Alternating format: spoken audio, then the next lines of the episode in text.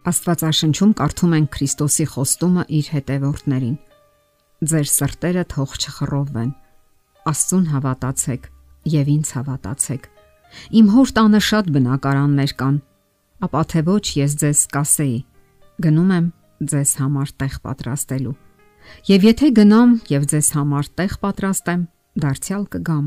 եւ ձեզ ինձ մոտ կառնեմ, որ ուր որ ես եմ, դուք էլ լինեք խոստումների խոստումը եւ հույսերի հույսը։ Ինչ է հույսը եւ ինչպես է այն գործում։ Այս հարցը բոլորի համար է կարևոր, որովհետեւ այն իսկապես կենսական է։ Հուսահատ բառը նշանակում է հույսերի ավարտ։ Մարդն ապրում է հույսերով։ Առանց հույսերի նրա կյանքը կնմանվեր խավարթ ունելի, որը ոչ ավարտ ունի եւ ոչ էլ հույսի որևէ շող։ Այսօր աշխարհում շատ մարդիկ են ապրում հուսահատ կյանքով։ Նրանց ուրախություններն անցողիկ են եւ ժամանակավոր։ Նրանք միշտ որոնումների մեջ են։ Սակայն մի օր հուսահատ կանգ են առնում։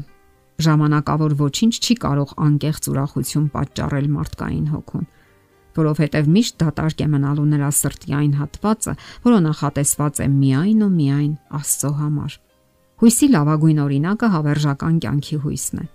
Դարերով մարդիկ հավատացել են Աստծուն եւ ունեցել են լավագույն կյանքի հույսը ոչ այս երկրի վրա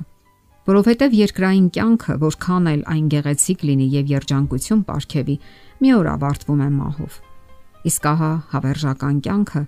որի հույսն ունի մարդկությունը, երբեք չի ավարտվելու։ Այո, մարդկությունն ունի հավերժական կյանքի հույսը եւ այդ հույսի առանցքում Քրիստոսի վերադարձն է մեր երկիր։ Այսօր աշխարհում շատ իրադարձություններ են տեղի ունենում պատերազմներ, տարերային աղետներ, տնտեսական ճգնաժամեր, կրոնական բախումներ, աշխարհակաղակական պայթյուններ, հասարակական դեգրադացիա եւ այլն։ Այս բոլորը եւ անհուսության մեջ է գցում մարդկանց եւ որոշակի հույսեր է արտնասնում այն առումով, որ Հիսուս Քրիստոսի գալուստը մոտ է։ Իր համբարձումից առաջ նա այսպիսի մարգարեական խոսքեր ասաց. Ձեր սրտերը թող չխռովվեն Աստծուն հավատացեք եւ ինձ հավատացեք։ Իմ հոր տանը շատ բնակարաններ կան։ Ապա թե ոչ ես ձեզ կասեի, գնում եմ ձեզ համար տեղ պատրաստելու։ Եվ եթե գնամ եւ ձեզ համար տեղ պատրաստեմ, դարձյալ կգամ եւ ձեզ ինձ մոտ կառնեմ, որ ուր ես եմ, դուք էլ լինեք։ Այս խոսքերը հույսի խոսքեր են, որ ապագայի հանդեպ հույս են արտնասնում հոգնած մարդկության սրտում։ Քրիստոսը կոչ է անում չխռովվել, չհուսահատվել, ապրել իր մոտալուտ գալուստի հույսով, որը վերջ կդնի մարդկային ամեն տեսակի տարապանքի։ Հիսուսը գնաց, որպիսի վերադառնա։ Նա քաղաքական գործիչ չէ, որ սին հույսեր է խոստանում մարդկանց։ Նա քաղաքական ապահովության խոստումներ չի տալիս, ոչ էլ աշխատավարձերի կամ թոշակների բարձրացում։ Նա չի խոստանում, որ պատերազմներ չեն լինելու այլևս, այլ եւ ոչ էլ հրաշք դղամիջոցների արդյունաբերություն կամ ապրանքների էժանացում։ Նա խոստանում է այն ամենահրաշալին, որ միայն կարող է իմաստ հաղորդել մարդկային կյանքին՝ իր վերադարձը։ Եվ դա սովորական վերադարձ չի լինի։ Այժմ նա պատրաստում է հավերժական այն կացարանները, որի մասին կարդում ենք իր խոստումներում։ Գնում եմ ձեզ համար տեղ պատրաստեմ։ Դա հավերժական տունն է, իրեն սпасողների համար։ Նա չի խոստացել, որ բոլորի համար տեղ կպատրաստի, այլ միայն նրանց համար, ովքեր հավատում են իրեն, սпасում են իրեն եւ ում կյանքը համապատասխանում է արդարության աստվածային չափանիշներին։ Նա խոստացել է իր գալուստով վերջ դնել մարդկային տարապանքներին, ցավերին ու հիվանդություններին։ Ցավոք համընդհանուր տարածում գտած աստվածաբանությունը սին հույսեր է խոստանում բոլորին անխտիր Բոլորը պետք է փրկվեն։ Մահից հետո բոլորն Աստծո մոտ են, նրա լույսերի մեջ եւ այլն։ Սակայն դա չի համապատասխանում Աստվածաշնչյան ճշմարտությանը, որը հստակ ասում է, որ պետք է փրկվեն միայն արթարները, եւ նրանք են տեղ ունենալու Աստծո խոստացած Եդեմական այգում։ Մենք կորցրել ենք այն, իսկ Աստված խոստացել է վերականգնել։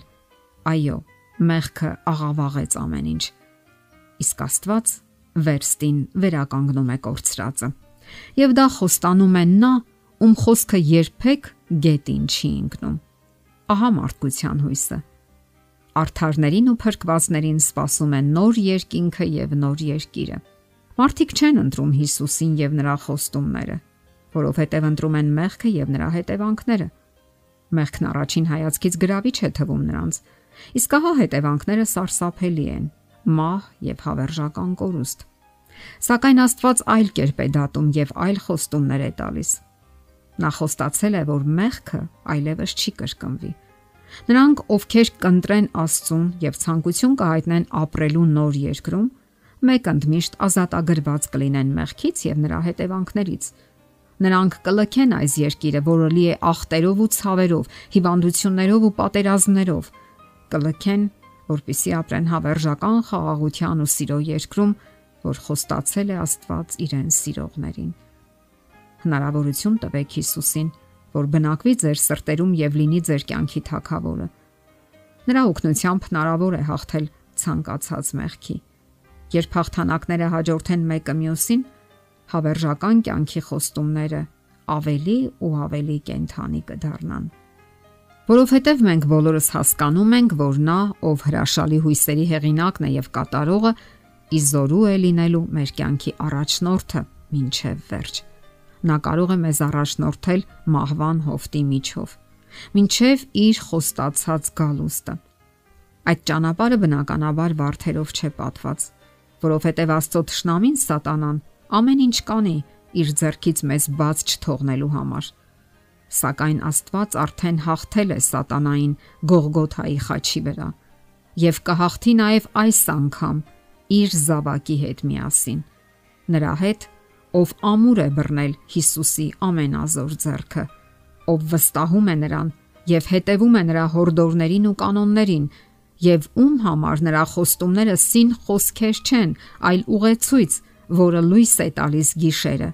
ցանկացած խավարի եւ դժվարության ժամանակ։ Ժամանակն անցնում է։ Մոտենում է մեր հույսերի իրականացման պահը, որ կարող է ամեն պահ տեղի ունենալ պատրաստ ենք ընդունելու Հիսուսին, նրան հանձնելու մեր կյանքը։ Մտածենք այս մասին։ Եթերում է ղողանջ հավերժության հաղորդաշարը։ Ձեզ հետ է Գեղեցիկ Մարտիրոսյանը։ Հարցերի եւ առաջարկությունների համար զանգահարել 033 87 87 87 հեռախոսահամարով։